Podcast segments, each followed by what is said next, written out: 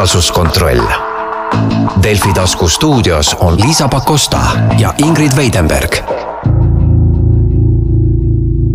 ja tere tulemast kuulama reaalsuskontrolli podcasti, kus äh, minu külaliseks on Liisa Pakosta ja mina, Ingrid Veidenberg, jätkame taas päevakajalistel teemadel, aga Liisa, kõigepealt tahan ma su käest küsida, sa ütlesid, et sul ei ole kodus vett kas see tähendab, et me olemegi jõudnud sellesse õudsesse olukorda, mille eest peaminister Kaja Kallas meid hiljuti Eesti Televisiooni otse-eetris hoiatas? tere ja ilusat advendiaega kõigile, aga, aga ei, nii hull see vast ei ole, ma elan Tallinnas ühel sellisel tänaval, kus äh, käib tänavaremont ja, ja oleme tõesti üle elanud äh, elektrikatkestused, veekatkestused, internetikatkestused, täna on siis järjekordne veekatkestuse aeg ja päris äh, hea tunne oli ju kõrvale lugeda uudiseid sellest, et kuidas äh, kellelgi teisel on veel palju raskem ja mõelda selle üle, et äh, appikene, et see, et meil ei ole mõned tunnid vett, kui kerge see on võrreldes sellega, mis on Ukrainas, mis on, mis on äh, Kiievis, kuidas inimesed seal hakkama saavad, et et me ei ole harjunud sellega, et meil mingeid elementaarseid teenuseid järsku pole. Ja, ja Lõuna-Eestis kindlasti talud on palju paremini harjunud pikemate elektrikatkestustega, aga, aga seda, et sul Tallinnas pidevalt ühte-teist-kolmandat eluks vajalikku teenust ei ole, see on mõnevõrra harjumatu. kas sa muideks oled hakanud vaatama juba toidupoodides ka toiduhindasid? nimelt on siis meile kätte jõudnud kolmekümne aastas suurim hinnatõus just nimelt toidukorvi äh, hinda vaadates jälgid sa poes, mis hinnasildiga toitu müüakse? ma olen selles mõttes igav inimene, et ma jälgin toiduhindasid tegelikult kogu aeg või olen jälginud neid kogu aeg ja nüüd on mul see süsteem sassi läinud, et muidu mul oli peas selline Exceli tabel, et ahah, et kui hakkliha maksab rohkem kui neli eurot kilo, et siis ma ei osta, või et kui juust maksab rohkem kui viis eurot kilo, et siis ma ei osta, aga nüüd on see juba mõnda aega ju täiesti õhku lennanud, et et äh, vaatasin mõnda aega tagasi, hakkliha kilo oli üheksa eurot, juustukilo on kolmteist eurot, Äh, et sellist kino, kilohinna või, või ähm, ühiku hinnapõhist hinnavaatust ma olen teinud kogu aeg. no rääkimata sellest, et jah, et kui sul piimaliiter on ikkagi üks euro, siis, ähm, siis see on mõnevõrra harjumatu. nüüd äh, see, kui inimestel ei ole raha korraga üheaegselt maksta kõrgeid küttearveid, maksta kõrgeid äh, Mm, ütleme, internetitasusid, mis ka tõusevad mm, -hmm. siis äh, maksta selle toidu eest bensiin ja bensiini eest, et see on murettekitav olukord, et midagi tuleb selles mõttes teha, et neid hindasid alla saada no,. ja ma... kas selleks võiks olla, Liisa, toiduainete käibemaksu langetamine, et mis me siin ikka hillitsetult räägime, et miks ei tee Eesti valitsus mitte midagi selle heaks, et tema rahval natukenegi leebem see olukord oleks. näiteks ma toon äh, Soome näite, just lugesin Eesti Päevalehe Ärilehes sellist lugu, et naaberriik valis Eestile vastaka meetme, elanike elektriarved kukuvad kolinal. ja mida siis äh, väga hästi toime tulev Soome tegi oma rahva olukorra parandamiseks. ta langetab alates detsembrist kuni aprillini elektri käibemaksu, nii et Äh, tänu sellele meetmele saavad äh, elektritarbijad hoida kokku sadu eurosid ja kaasa arvatud ettevõtjad, kõik, kes elektrit tarbivad, maksavad oluliselt vähem.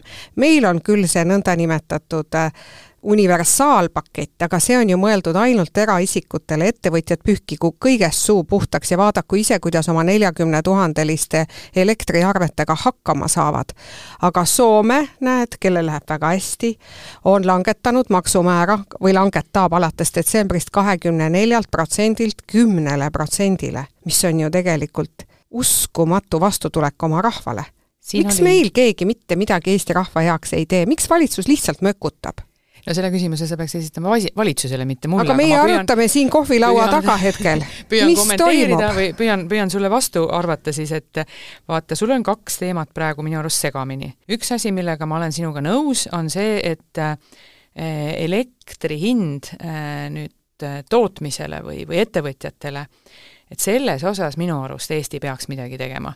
see, kui meil lähevad tootmisettevõtted kinni, kui sealt lähevad inimesed koondamisele, siis meil juhtub kaks väga suurt katastroofi. üks on see, kuule, valitsus naerab, naerab selle Oota, peale. praegu lähevad, mina räägin oma arvamust siin.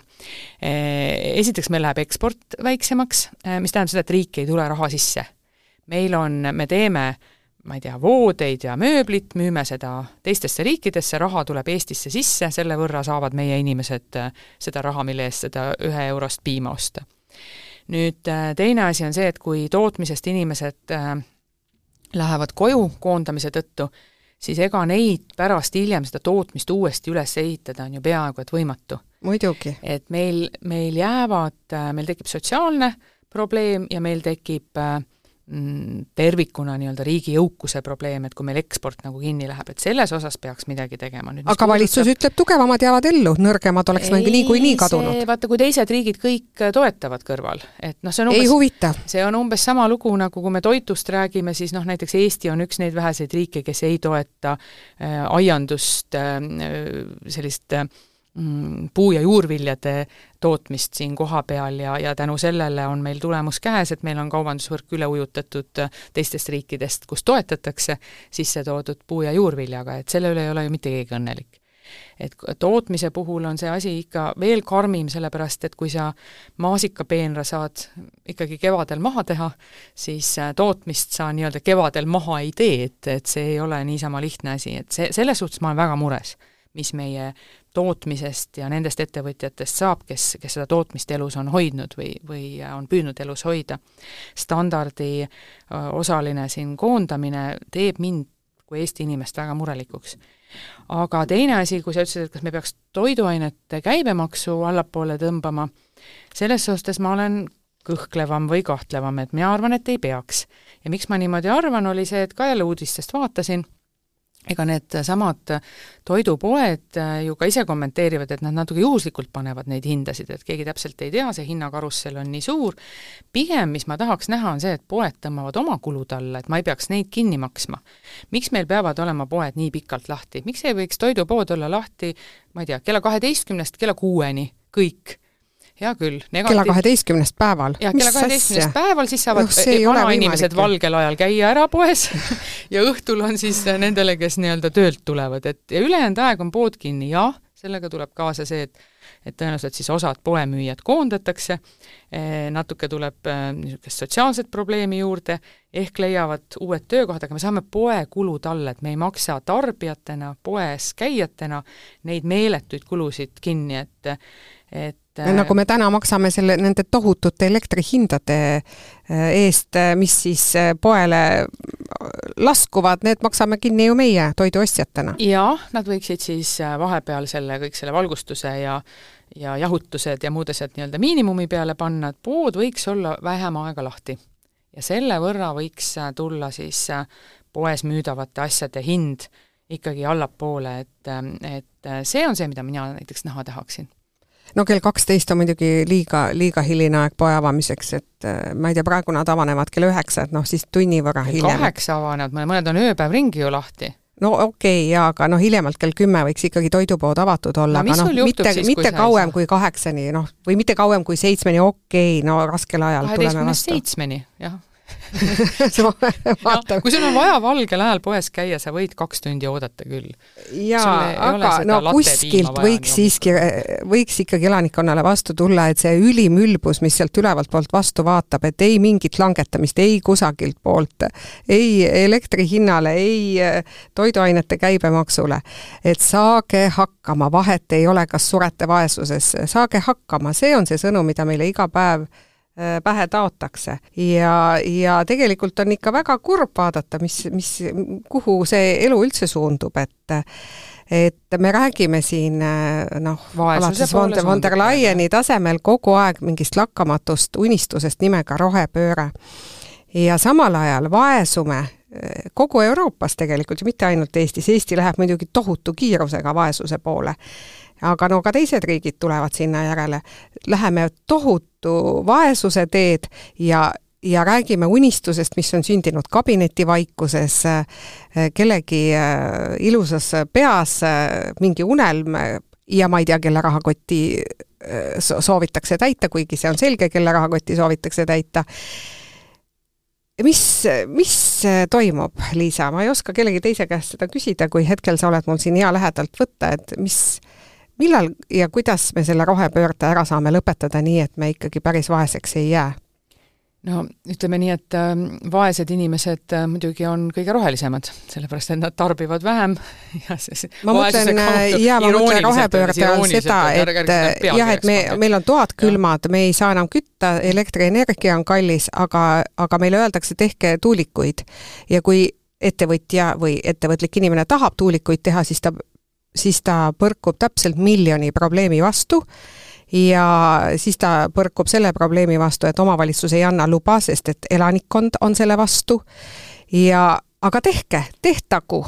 Me võime siin natuke CO2 kinni hoida, aga, aga kui me vaatame neid keskkonnakahjusid, mida äh, Vene agressioon praegu tekitab äh, kõikide inimkahjude kõrval Ukrainas, et see on niivõrd mõõtmatult suur keskkonnakahju, et me ei, me ei saa sellest ilmselt nagu aru, et et paratamatult ma vaatan natuke murelikult neid vaidlusi tõesti selle üle, et kas me peaks keskkonnakaitse huvides äh, noh, ma ei tea, Nursipalu harjutusväljaku piire vähendama, ma ei räägi siin isegi mitte inimestest, nende kodudest, vaid, vaid ainult sellest keskkonnakaitselistest argumentidest, siis sõjaolukord on ikkagi see, mis seda, mis seda keskkonda nii pööraselt ju hävitab. aga kui me mõtleme selle rohepöörde peale, mina, mulle tegelikult meeldib, mulle meeldib niisugune roheline lähenemine elule, aga ma tahaks näha selget plaani, et vot mida me teeme ja kuidas riik on eeskujuks. Et mida riigiasutused näiteks teevad ise selleks, et äh, olla keskkonnasõbralikum, kuidas nad väljuvad sellest mugavustsoonist mm? -hmm. Nad on nad... lõpetanud plastmassnõude tellimise, siis kui on sünnipäev, siis ei tohi enam kasutada plastmassnõusid, vaid peavad olema papp, papist taldrikud, mis hävinevad looduses. mispärast papist taldrikud miks nad ei võta kasutusele, ma ei tea äh,, taaskasutus- või uuskasutuspoest äh, ostetud äh, nõudekomplektid, mida sa saad nõudepesumasinas pesta ja sa kasutad neid kolmkümmend viis aastat, sul ei pea olema üldse neid ühekordseid nõusid, sa saad kasutada neid nõusid. aga no sa ju saad ise ka aru, et see on ju vuhvel, millega me tegeleme, see on ju täielik vuhvel. aga, aga ja ka sõja ajal ei ole tegelikult Euroopa juhid lõpetanud seda rahejama, et nad ei nagu ajavad sedasama juttu edasi ikkagi kas ne, ma isegi ausalt öeldes siin oli just viimane uudis elektri selle tuumajaamade peale tagasi või? no vist, vist midagi seal hakkab, aga noh, see, mida von der Leyen räägib, see on ikkagi ja millised nõudmised väikesele Eestile, et me peame kõigega kaasas olema, muidu kõik toetused Euroopa Liidult lõpevad et.... no see on see meie põlevkivi jama, et see põlevkivi probleem praegu võiks küll aru saada, et okei okay,, me paneme ida poolt energia kinni, millegiga me peame seda asendama ja mida, kuidagi me peame selgeks saama selle, et mis täpselt juhtub äh, aasta pärast, kahe aasta pärast, kolme aasta pärast, millal valmib see, teine ja kolmas. ja kui see venima jääb, siis miks ta venib, et siis on keegi süüdi, et venib. et aga see, just praegu see LNG terminali jama, et kus äh, ehitatakse kai valmis, siis ei tea, kuhu see laev tuleb, siis ei tea, kuhu see on ühendatud, see jätab mulje, et plaani ei ole mina tahaks näha plaani, kus on kirjas nii, see juhtub nüüd, see juhtub siis ja äh, ahikütet on teil vaja, teil on ausalt öeldes vaja mitte lihtsalt ahikütet, vaid teil on vaja ahikütet sellepärast, et kui tekivad äh, energia pikemad katkestused, et me küll ei, ei külmu surnuks. ja kas sa seda ju mäletad, et ka rohepöörde sildi all taheti ahju kütmine küttepuudega ära keelata? see vist oli küll õhu puhtuse kaitseks no kõik no, üks rohepööre. korstna otsa siis filter või, või küta kuivade puudega ja sul ei teki mingisugust jama ja lehmade ja Soomest, puksutamine ka. Soomest rääkides, siis äh, Soomes on äh, nii nagu teistes Põhjamaades on ju tegelikult eraldi ehitusnõue, et äh, sa pead ahjuvalmiduse tagama, sa pead ahjuvalmiduse tagama sellepärast, et kui on külm ja elektrit ei ole või gaasi ei ole, et sul peab olema võimalus millegiga kütta. et ja no kui me mõtleme nüüd nagu loogiliselt, et et LNG terminali üksikasjadest mina ei ole võimeline rääkima, aga sellest ma saan küll väga hästi aru, et kui on metsas kasvab puu, siis see puu korjab selle CO2 kokku ja nüüd sa võtad selle puu maha, sa teed sellest puust äh, halud, paned need ahju, see CO2 sealt uuesti vabaneb, aga ring on kokku nagu nullis. uus puu kasvab peale ja, ja sa saad selle ringiga uuesti tagasi minna, et see on kõige keskkonnasõbralikum kütteviis üldse. ja me ei pea tooma mingeid asju kuskilt kolmandatest riikidest sisse, nii nagu on päikesepaneelide puhul näiteks. ja samas nagu me nüüd sel, sel nädalal lugesime ajalehtedest, siis kõige defitsiitsem on küttepuu ja selle järele on nii suur nõudmine, et käiakse üksteise järelt varastamas küttepuid, et äh, soovitatakse küttepuuriidad panna luku taha ja mitte hoida neid avalikult nähtaval, sest et küttepuuvargused on üha sagedasemad. meilt varastati kaks jalgratast ära nüüd? nüüd jah, see näitab jah, see näitab tegelikult seda, et see vaesus on kohale jõudnud, kui varastatakse küttepuid, jalgrattaid. Äh, no aga sellest, sellest mina siin püüan, ma olen nagu uluv tuul üksikul väljal, et ma siin juba pikka aega loen mantrat ette, et Eesti rahvas vaesub, vaesub kiiremini kui kunagi kolmekümne aasta jooksul me seda teinud oleme aga valitsus vaatab pealt ja ütleb, saage hakkama, minu isa saab hakkama, saate teie ka Lätis antakse küttepuude ostjatele toetust? no kõik, kõik valitsused seisavad oma rahva eest, et äh, et see välja arvatud Eesti. Elektri hinna osas toetus äh, tööstusele, no minu arust hädavajalik, sellega ma olen nõus et me seda tööstust ära ei kaotaks. aga valimised on tulemas ja teil on kõigil õigus hääletada, ometi. Mitte midagi Eesti valitsus Eesti rahva heaks ei tee, aga reitingud püsivad kõrgel, et milleks sa seda seletad, Liisa, et kuidas on see võimalik, et äh, Eesti rahvas vaesub silma all, aga valitseva partei reiting on väga hea mis juhtub kõikide kriiside ajal, on see, et äh, ebavõrdsus suureneb. kui läheb raskeks, siis need, kellel on läinud hästi, läheb suhteliselt veel paremini ja need, kellel on läinud halvasti, läheb suhteliselt veel halvemini. kahjuks vaatamata presidendi üleskutsele, et tegemist ei ole duelliga valimiste puhul, kahjuks äh, tuleb tõdeda, et see ilmselt paistab välja ka sellises valimisloogikas, et, äh, et need, kellel läheb hästi, on üks pool, keda toetada, ja need, kellel läheb halvasti või, või senisest veel halvemini, on teine pool, keda toetada, et see, mis, mis kriisides või rasketes olukordades alati juhtub, need, kellel läheb paremini, läheb veel paremini, need, kellel läheb halvemini, läheb veel halvemini, et see väljendub meil ka selles äh, valimisloogikas, et noh, kui sa vaatad, sa räägid siin, et aa, kõik on nii halvasti, kõik on nii halvasti, samas äh, kui sa vaatad niisugust, ma ei tea, mis, mis meil oli siin nüüd, mingi Musta reede, eks ole, ostupidu ja siis äh, nüüd on mingi küberesmaspäeva ostupidu, et äh,, et äh, pole parklas vaba kohta, eks. viimased säästud inimestel, eks see hakkab vaikselt kohale jõudma, et äh, säästud on otsas, rahakott on tühi ja mis siis saab? aga need inimesed, kellel läheb halvemini, kui on siiamaani läinud, et äh,, et seal peab siis lootma, et äh, et kevadeks ei ole mingit sotsiaalkatastroofi juhtunud ja seda pikka plaani tahaks ikkagi kuulda, mis on siis see, kuidas ettevõtlust valitsus toetama hakkab ja ettevõtluse ja... pikka plaani ja energeetika pikka plaani, vot neid kahte oleks tõesti vaja. kohe, kohe pikisilmi ootaksime seda juba enne aasta lõppu, et eh, kas haridusest rääkimata. ja kas laseme nad kõik siis eh, tuhinal pankrotti, et vahet ei ole, või ikkagi mõtleme mingi plaani välja, kuidas seda ettevõtlust hoida hinges ja edasi arendada eriti just tööstuse poolt, noh, mida on väga raske uuesti luua või uuesti teha või peaaegu võimatu uuesti teha, kui see vahepeal kinni läheb.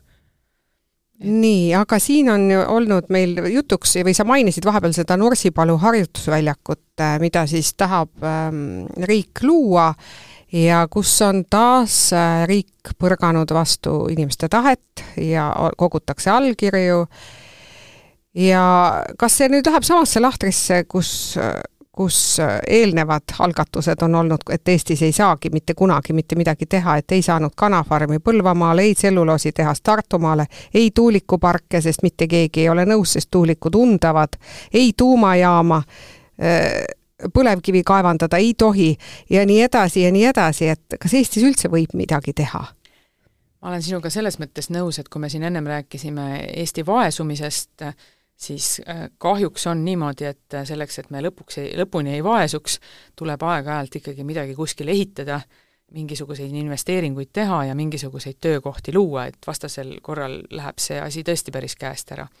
nüüd Nursipalu harjutusväljaku laiendamine on tõesti paljusid Eesti inimesi puudutanud, sellepärast et et paarikümnel perel ähm, tähendab see tõenäoliselt seda, et nende kodu läheb selle harjutusväljaku alla ja, ja riik peab selle küsimuse siis kuidagi lahendama. ehk siis maksma välja selle kodu? maksma välja selle kodu, täpselt, ja, ja samad asjad on olnud ju tegelikult ähm, meil Rail Balticaga seoses, veel mitme ettevõtmisega seoses ja ma tunnen äh, noh, sellist võib-olla ka isiklikku äh, kaastunnet nende inimeste vastu, et mul on, mul on selline kogemus olnud elus, me Nõukogude okupatsiooni ajal elasime kesklinnas, mul oli kooli käia üle hoovi, elasime ühiskorteris ja, ja siis avastas Nõukogude võim, et see maja tuleks renoveerida ikkagi parteiladvikule, noh, loomulikult mitte enam ühiskorteriteks, vaid siis sellisteks suurteks eestiaegseteks korteriteks tagasi, ja, ja meid saadeti siis äh, elama kuskile täiesti linna serva, praktiliselt maja tagant jooksis äh,, jooksis linnapiir ja, ja siis oli ka juba, vanemad protestisid selle vastu, aga need protestid muidugi kuskile ei viinud. Ja noh, asenduseks mingi korter anti äh, sooja veega ja, ja eraldi WC-ga, aga see polnud pooltki seda, mis, mis oli see tore äh, kesklinnas olnud ühiskorteri tuba, ja, ja, ja siis juba ei lubatud tegelikult kasutada sõna küüditamine, et äh, mul on meeles lapsena see, et et noh, et see ei ole küüditamine, et see olgugi, et Nõukogude võimu poolt, aga noh, me jäime Eestisse ja me jäime isegi samasse linna ja, ja meile anti asenduspind ja meil, meil oli vabadus ja meil ei olnud töösundust ja kõike muud sellist, et noh, et mind natuke häirib see, et praegu kasutatakse seal Nursipalus eh, seda küüditamise metafoori, et see ei ole õige. Eh, aga õige oleks see, et me saaks turvaliselt tunda, et ahah, nii, ohuolukord on see, millega seda Nursipalu laiendamist põhjendatakse, aga üks asi veel, et me ei saa rääkida sellest, et meile tuleb NATO ja neil on seda vaja.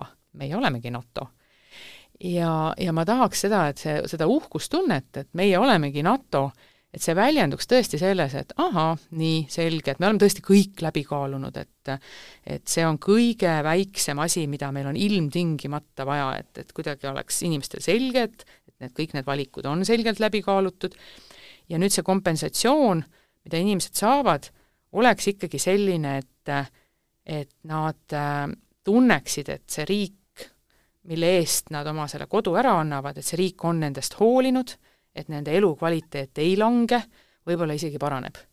et see niisugune tehniline lahendus seal, et aa, meil on mingi seadus ja me selle järgi hüvitame ja edasi vaadake ise, kuidas saate, minu arust peaks riik pakkuma nendele inimestele õigustuge, noh, ametnikega asjade ajamisel tasuta juurde, eks ole, et nad saavad oma asjad kõik korda, iga pere saab oma lahenduse ja, ja saab sellise lahenduse, et nad võivad pärast öelda, et kuule, tegelikult on mul hästi. vot seda ma tahaks näha. no saame näha, saame näha et Sest praegu käib küll üks lõputuna tunduv vaidlus. See vaidlus pole õieti alanudki ausalt öeldes, et see, see allkirjade kogumine selle vastu, Nursipalu harjutusväljaku laiendamise vastu, on noh, kuidagi nagu ma saan sellest meeleseisundist aru, et noh, et inimestele tundub absurdne, et aa, kelleltki võetakse kodu ära aga, aga äkki saaks ikka seda niimoodi korraldada, et et vaatamata mitmesaja-aastastele juurtele ja kõikidele asjadele, mis seal on, et sul läheks see, see elukvaliteet ikkagi kokkuvõttes äh, paremaks, et sa saad mitte samaväärse vastu, vaid sa saad äh, parema vastu. niimoodi, et see parem katab ka selle emotsionaalset kaotust ja siis kuidagi tuleb täpselt lahendada see, et et äh, minu jaoks oli väga traagiline nooruses see, et ma pidin hakkama tund aega varem hommikul üles tõusma, selleks et kooli jõuda. et noh, kuna me olime sunnitud kolima teise kohta. et, äh, et ka need küsimused tuleb kõik lahendada. et hea küll, te lähete kuskile edasi, aga riik annab auto ka veel. et noh, et sa saad nagu autoga lapse kooli viia, et, et sul, sul ei lähe elukvaliteet halvemaks, vaid läheb natuke paremaks. just, sest ühistranspordi peale ei saa meie riigis ju loota äh,. jah, kahjuks on tõesti niimoodi, et, et no maal ei käi üldse enam busse, et see, et saada maalt tulema või, või maale, see on täitsa ilmvõimatu missioon. meil maakodu juurde, mis muuseas asub ka ühe teise harjutusväljaku läheduses, Tapa juures, käib üks buss päevas ja kohe, kohe käibki niimoodi. üks buss päevas. üks buss päevas, see on juba hästi läinud, juba hästi läinud. sa ei saa edasi-tagasi käia, et ähm, ja, ja no ja taga, sinna saada ka tagasi ei saa. paugutamine, noh, okei okay,, me, me päriselt ei piirne, meil on natuke maad vahet, paugutamist on kuulda, et eh, noh, selles kauguses ei ole hullu midagi. aga rohepöörde tingimustes peaks ju seda ühistransporti olema nüüd nii, et igasse külla saab ühistranspordiga, et ei peaks seda CO2 taset tõstma siin eh, igale poole oma isikliku autoga sõites, aga no kus sa sellega? aina hullemaks minu meelest see ühistransport läheb. maal võib olla ikkagi see auto ökonoomsem kui isegi see ühistransport, aga no mis linna puudutab, siis siis jah, et, et pidin eile minema varahommikul ühele koosolekule, vaatasin, et ainus buss, mis, mis minu kodu lähedalt läheb Tallinna linnas, graafiku järgi väljub seitse viiskümmend ja siis seitse nelikümmend seitse vaatan kaugelt, kuidas buss juba peatusest väljub, ehk ta läks varem ära, ta ei käinud selle mis on tegelikult järgi. sigadus. ja, ja, ja siis ma pidin tõesti leidma mingisuguse täiesti äkilise lahenduse selle asjaga, asja, asja lahendamiseks ma sinna koosolekule jõuaksin, aga mul ei ole kasu sellest ühistranspordist, kui ta ei välju sellel ajal, kui ta on lubanud väljuda. Ja minu viimane kogemus ka meeltesegaduses jalutuskäigult tulles, otsustasin äh, minna tagasi koju ühistranspordiga Nõmmel, oodates siis äh, bussi Vabaduse puiestee ääres ja seda bussi ei tulnud. nii et minu viimane viirus on põhjustatud, viirushaigus on põhjustatud just sellest, et ma pidin kolmkümmend minutit seisma jääkülmas bussipeatuses, sest ka kõnnitee oli täielikult ära jäetunud ja ma ei hakanud riskima, et uisutada järgmisesse peatusesse, sest ma ju ei teadnud, võib-olla see buss sõidab tuhinaga must mööda, kui mina uisutan teise peatusesse juba.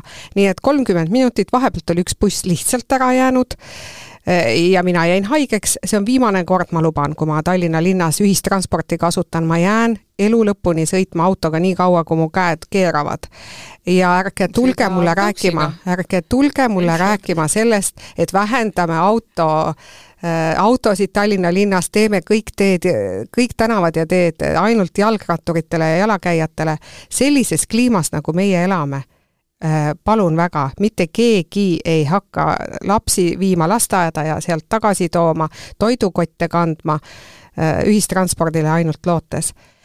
käisin et... just Helsingis ja vaatasin, kuna ma olin just üle elanud selle bussi varem väljumise nagu šoki, et äh, vaatasin, buss tuleb täpselt sellel kellaajal, mis on lubatud, on ilus, puhas ei ole seenetanud, nagu ajakirjanik Tuuli Jõesaar kirjutas. jah, see oli karm lugu, kuidas ta leidis äh, äh bussiistmelt seene ja, ja, ja veel palju seeni. ja palju seeni, jah.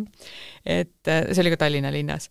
et võib-olla ikkagi on see ongi see rohepööre, seenetavad ähm, bussid, see on rohepööre. et me peame natuke maksma selle eest, et kui me tahame ühistranspordiga sõita, aga et see ühistransport siis on selline, mis on sõidetav, mis on puhas, mis tuleb õigel ajal, sõidab õigesse kohta tuleb üldse kohale, kui ma seda sinu näidet võtan, kus ta üldse jäi vahele, mul on ka mitu kogemust olnud, kus buss üldse ei tule, jääbki vahele. et, äh, et see, kui me ei saa seda ühistranspordi asja korda, siis autode arvu vähemaks ei saa.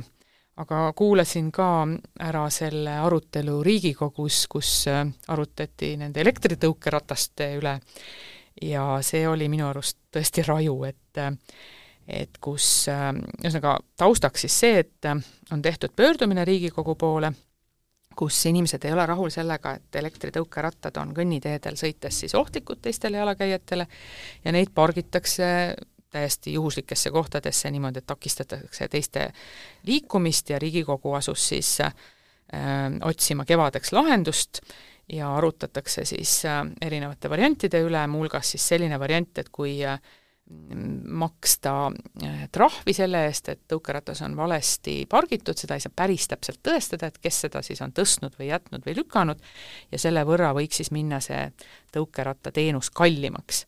ja tõukerattaettevõtted tõid siis välja, et kui Stockholmis niimoodi tehti, siis tegelikult need tõukerattapakkujad korjavad oma teenuse kokku, et kui see teenus läheb väga kalliks või väga kulukaks ja seda mina, seda päeva mina väga ootan. millal nemad oma teenuse kokku pakivad sest midagi õudsemat ei ole mina näinud, kui mis need jubedad, ja sa nimetad neid tõuksidest, tõuks on tead see, millega, millega sa saad jalaga lükata. Need on elektrisõiduvahendid. ja ma olen isiklikult olnud pööraselt hädas ühe tuules lehvivate juustega blondipäise tütarlapsega, kes sõitis sõiduteel keskmises reas oma selle elektrilise tõukerattaga ja ma imestan või ma loodan, et ta on tänaseks elus. see, kuidas see sõit välja nägi autode vahel see oli midagi nii hirmsat.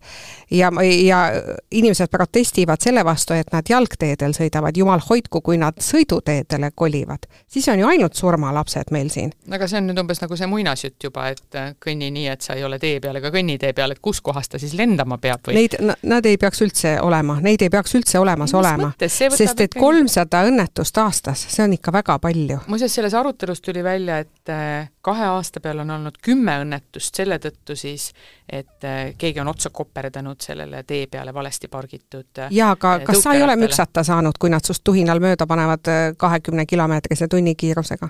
sa tõesti ei ole? ei ole ja ma, ma tunnistan üles, mina ka kasutan neid, ma, ma ei tea kedagi, kes, teaks kedagi, kes ei ole saanud nende no, käest pihta. jah, siis aga ma olen muidugi aru saanud juba ka, kui ma oma sõpradega rääkisin, et et minu entusiasm tõukerattade, rataste osas põrkus väga valulistele reaktsioonidele, et tõesti, kõik, kellega ma rääkisin, olid ko-, kohtunud sellise olukorraga, kus valesti pargitud tõukeratas oli neil tee peal ees, et et ähm, ma jään siia siin siiski ma väga loodan, et terve mõistus võidab ja nad ühel päeval ikkagi keelustatakse, et vastupidi. olenemata sellest ärist, mille peale siis mitmed ettevõtted loodavad, et, et sellega saab teha suurt äri. ja, ja see on toonud ka teistsuguse probleemi Tallinna linna, et nüüd on mingisugused arusaamatud punased rajad nende elektritõukerataste jaoks mina fännan neid. püsti, püsti pandud, mis on noh, nii ohtlik ohtlikud ja nii inimvaenulikud, kui veel saab olla, et kas sa, sa ei ole ma olen autojuht? täiesti resoluutselt vastupidisel kas sa ei ole autojuht, sa ei ole käinud Viru ringil, kas sa Viru ringil on kõige mõnusam just jalgrattaga sealt sõita läbi. autoga oled sõitnud või? Mõned Viru jah no,. sealt on võimatu nii, teha parempööret Viru ringilt. tuterdad seal, see Viru ring on niikuinii kogu aeg see on umbes. niivõrd kihva keeratud, see ringikene, et mina ei tea, Tallinna linnavalitsus ja, ja nende teede eest vastutaja, kus on teie terve mõistus? kuidas te seda Viru inimene, ringi nüüd plaanite ümber teha? kes on, mina olen see inimene, kes on hakanud rohkem sõitma nii tõ-, elektritõukerattaga kui ka jalgrattaga tänu nendele punastele teedele minule need meeldivad, mulle ei meeldinud see, et see värv seal loodusesse laiali läks, et see värv oli valesti valitud. aga, aga minu arust võiks neid teid juurde tekkida ja jällegi sain targemaks, et äh, näiteks ühe auto parkimiskoha peale mahub parkima kaheksateist tõukeratast mõtle, kui palju linnaruumi vabaneks, kui rohkem inimesi sõidaks tõukerattaga. no küll see oleks õudne Siis, nii et ma väga loodan, et nad ikkagi ühel päeval ära keelatakse. ei, ei, ei, ei vastupidi, siis, siis me oleme täiesti ja vaadates erinevad. esimest lund, mis siin Tallinnas maha sadas, siis äh, teed olid puhtaks lükatud, mis olid lume all, olid siis need õnnetud punased rajad, sest et jalgrattaga enam ju ei saa sõita lume sees. no ma ei tea, kas selle elektritõukerattaga on seal võimalik sõita, aga nad on ka nii kitsad, need jalgrattateed, et sealt ei ole ka mitte millegagi võimalik seda lund ära ajada. ja siis me sõidamegi, need vaesed autojuhid, terve talve niimoodi, et me oleme oleme litsutud ühte sõidura-, ühele sõidurajale, noh, nii kitsas on, kui veel vähegi võimalik, sest on tehtud mingi mõttetu pulkadega ääristatud punane riba, mis on lund täis, kus mitte keegi terve talve seda ei kasuta. et no annab ikka jaburaid asju välja mõelda ikka. siin me jõudsime jälle selle koha peale, et äh, pikka plaani ei olnud, et ei olnud seda mõtet no aga see oli ka enne valimisi ju, nädal enne valimisi tõmmati punased ribud maha. paneme postid püsti, et mismoodi postid on puhasta. eriti ohtlikud, et ma olen ikkagi mitmest olukorrast pääsenud, et mitte sõita vastu neid poste, et kes need postid sinna välja mõtles aga muidu sa oleks sõitnud vaata ratturile otsa, et aga neid on, neid on tohutult pandud, laotud lihtsalt no, enneolematus koguses igale poole, kus väga võimalik. ratturina on jälle teisel pool neid poste palju mõnusam sõita ja eh, aga miks ma ei näe neid rattureid siis, mina, ma sõidan sõita ju, seal on no, lumi. aga ja, ja, ja, ja autojuht ka ei saa sõita, autojuht ka ei saa sõita. jällegi käisin välismaal riigis nimega Soome ja linnas nimega Helsingi just ja, ja vaatasin seal, et äh, esiteks olid need teed puhastatud ja teiseks äh, väga ägedalt puhastatud, et nad on ilmselt oma tänavapuhastus või kõnniteede puhastusmasinatel sättinud need harjased niimoodi, et äh, osa kõnniteed on lükatud siis asfaldini puhtaks ja osa kõnniteed on lumekattega, mis tähendab seda, et sa saad oma last seal kelguga vedada ja samal ajal sul on kõnniteel olemas ka see äh, riba, kus sa saad ise liikuda. ja siis tulen tagasi, lähen jalgsi mööda Tallinna vanalinna uut tänavat, kus on pandud kuused kõnniteede peale, nii et jalakäija seal enam üldse käima ei mahu nii et äh, ma saan aru, et vanalinn tuleb jõuludeks kaunistada ja, ja kui meil on eksporti vaja ja vä välismaa inimeste raha siia vaja, et siis meil on turiste vaja, aga no korra oleks võinud mõelda, et kui me paneme kõnniteedele kuused, kus see vaene jalakäija siis käima peab, et äh, noh, mina ei tea. No Tallinna linn tahab ka saada rohepealinnaks, nii et äh, küll neid kuuskesid siin tuleb veel nii, et no see ei ole rohepealinnaga kuidagi seotud, et need kuused on ju metsast maha võetud, utiliseeritakse, heal juhul ikka... köetakse lõkkes ära pärast, et noh, nendest nagu niisugust soojusenergiat ei teki kodumajapidamistesse. Mina ootan ikka seda aega, et, et rohepealinn Tallinn võtab ükskord selle võsast, võsastuva Tallinna ette ja ja tõmbab maha ikka enamiku ülekasvanud puid ja, ja võsa vähendab, eriti Schnelli tiigi ümbruses, kus on asotsiaalidel ja joodikutel tõelised punkrid põõsaste alla koondunud ja kus on eluohtlik jalutada, et võid surma saada või komistada mingi tõelise kamba otsa, kes seal mõnusasti aega veedab, kuna nii tihe on see põõsastik. ja, ja mina unistan ajast, mil Tallinna linnamüür oleks nähtav, et see ei oleks ülekasvanud puudest täielikult täis kasvanud, võsastunud, nii et kui ma sõidan mööda mere äärt, ma näen Tallinna linnamüüri nii, nagu see oli kunagi pilt postkaartidel. hetkel on seda vist kümme sentimeetrit seal näha, ülejäänud on kõik puid täis kasvanud no sa räägid sellest bastionaalvööndist, mida me kasutame pargina, mida on teinud päris paljud linnad. aga selles mõttes ma olen nõus, et äh, jalgrattaga sõites, äh, kui see päris lumi ei olnud veel maha tulnud, siis, siis tõesti seal Schnelli tiigi ääres ma peaaegu oleks kukkunud, sest kõnnitees oli niisugune auk, mis, mis ei olnud sugugi turvaline, et paremaks saab minna küll.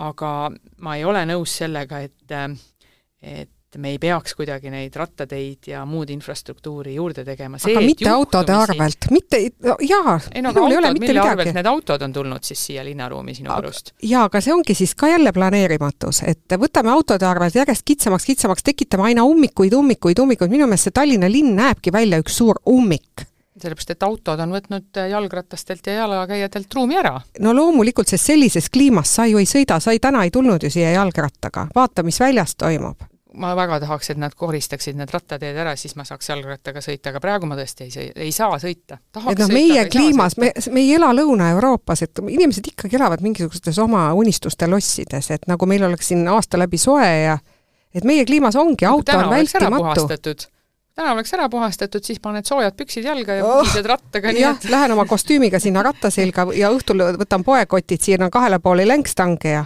ei, toidu, ajuvaba. toidu tellid koju selle kull-, kullerfirmaga. ei hakka, ei, ma ei loobu iialgi autost. kes saabub sulle veel aga, elektritõuksiga. aga see, mis Tallinna linnas hetkel toimub, see on käsitamatu, et nelikümmend viis minutit koju sõitu nüüd varasema kahekümne asemel tänu sellele, et äh, siin on pandud Pronksi tänav kinni ja seda kavatsetakse ehitada aasta aega, aasta aega, ühte no. pisikest teelõiku. minu kodutänavat ehitatakse ka aasta aega, see oli see, mis äh, mille, mille tõttu ma olen olnud siin ilma vee, elektri ja, ja internetita, aga kui nad selle hästi korda teeksid, oleks tore, meie põhimure oli muidugi selles, et meile pandi kanalisatsiooniühendus seitsekümmend sentimeetrit liiga kõrgele.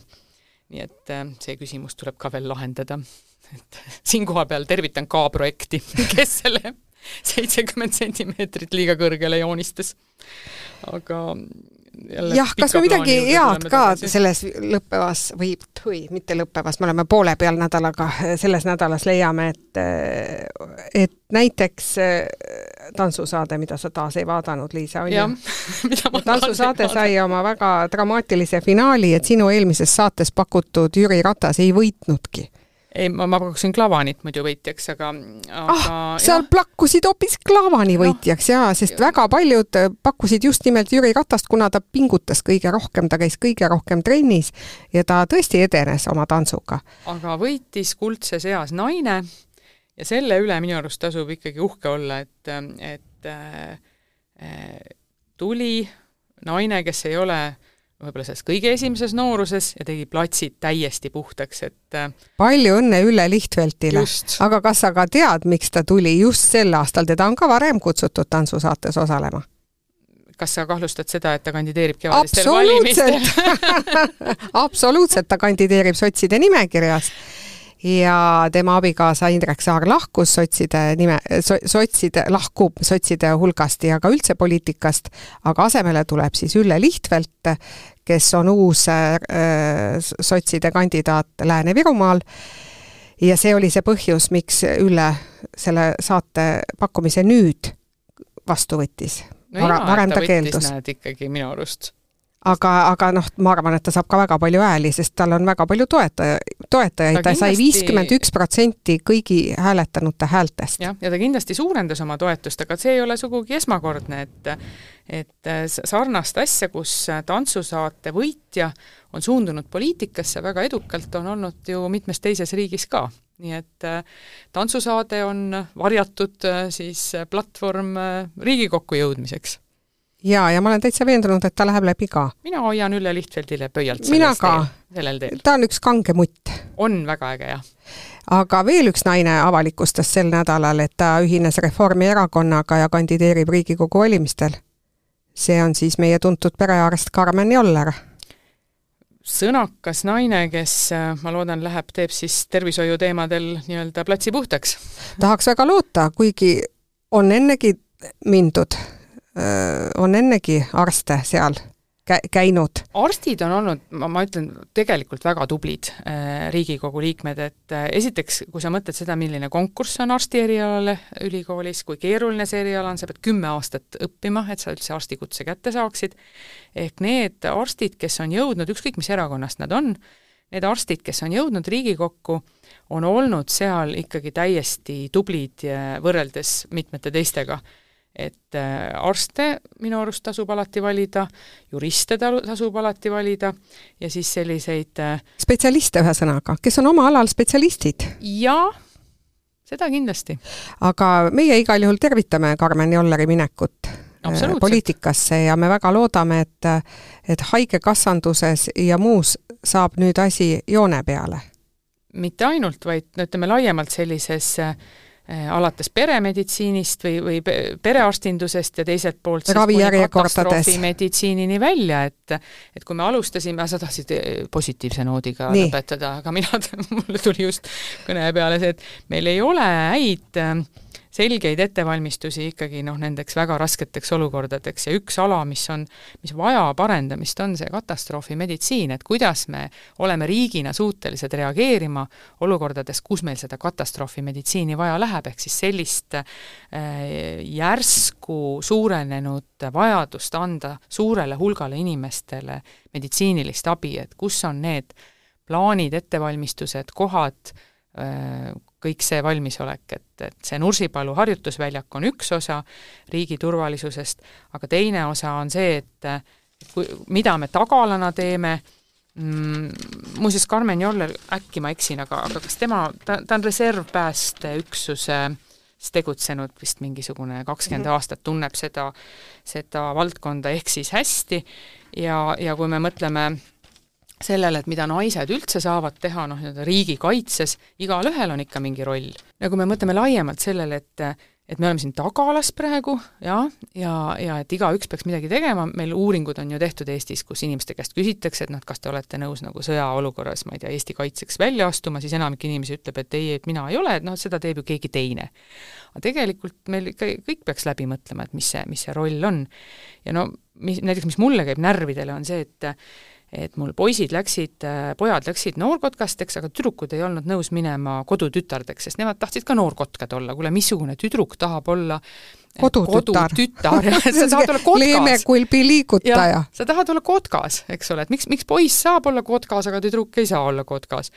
ja, ja see käib mulle selles mõttes ka närvidele, et et vaata, kui sa lähed kaitseväkke, siis on kõik võrdne naistel ja meestel, kõik, kes lähevad Kaitseväkke, on võrdsed kohustused seal, teevad ühesuguseid asju, kõik on ühtemoodi, elavad ühes kasarmus, kõik asjad on ühtemoodi.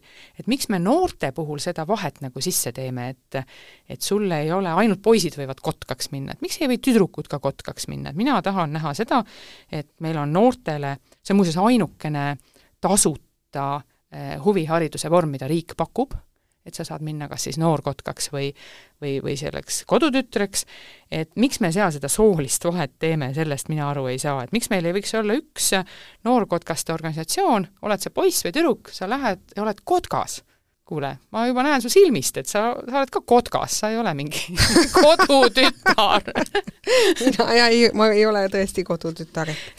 pigem kotkas ja. toetame. toetame, jah mm. -hmm Päevaleht kirjutab ka, et Tallinna kahekümne kahest kiirabibrigaadist kakskümmend seisis haiglate ees järjekorras, nii et patsient võib kiirabiautos oodata lausa mitu tundi ja üks patsient lausa suri haigla järjekorras seisvas kiirabiautos, nii et Karmen Joller, me loodame su peale, see kord tuleb lüüa majja ja see ei ole veel katastroofimeditsiini juhtum, vaid see on kõige tavalisem kiirabi argipäev, see ei ole see koht, kus on juhtunud mingi suur õnnetus või kus on äh, väga palju inimesi, kes vajaks äh, siis äh, väga järsku ootamatult ja no meditsiinis tuleb ikka midagi väga tõsist ette võtta, et ka siin Päevaleht kirjutab, et erakorralise meditsiiniharidusega arste ja õdesid napib ja meie ravijärjekorrad ka tavainimesel on ju, on ju uskumatud.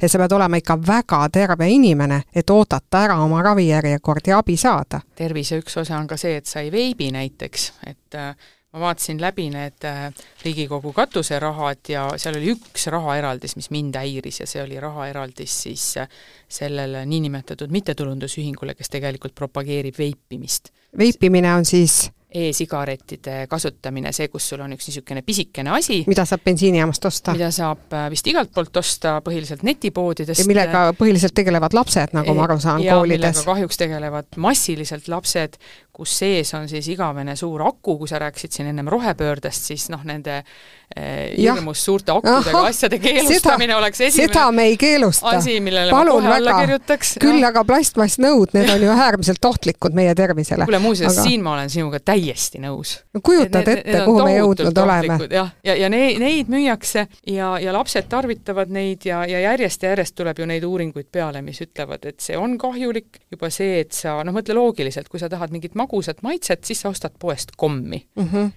aga kui sa, mitte sa ei osta maasikamaitselist, eks ole e, e-sigaretti selleks, et saada nüüd magusat maasikamaitset, sa ostad selle e-sigareti ikka sellepärast, et saada nikotiini. et jälle Soomega või, või mis tahes muu riigiga võrdleme ennast, siis Soomes on näiteks kõik maitsed keelatud, absoluutselt kõik. kui sa tahad seda nikotiini, siis võta seda nikotiini sellisel kujul, et seal ei ole mitte ühtegi maitset lubatud juurde ja see on samasugune salakaubandus, tegelikult neid veipimisasju müüakse ka hõlma alt, mis on kuidagi sisse smuugeldatud riiki, nii et on võimalik koolide ees neid osta.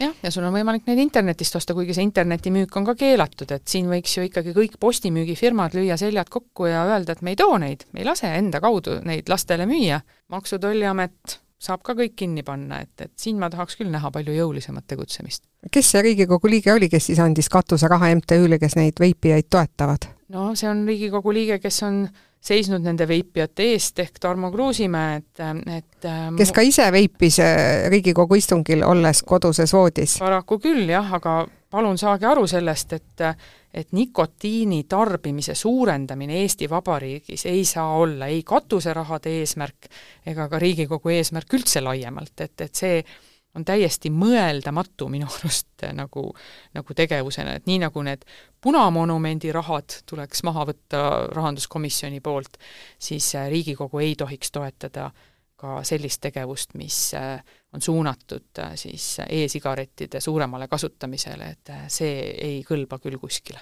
aga meil on nii palju teemasid olnud, et jätame siis kuulajaga hüvasti mitte hüvasti, vaid soovime soovime ikkagi seda ilusat jõuluaega.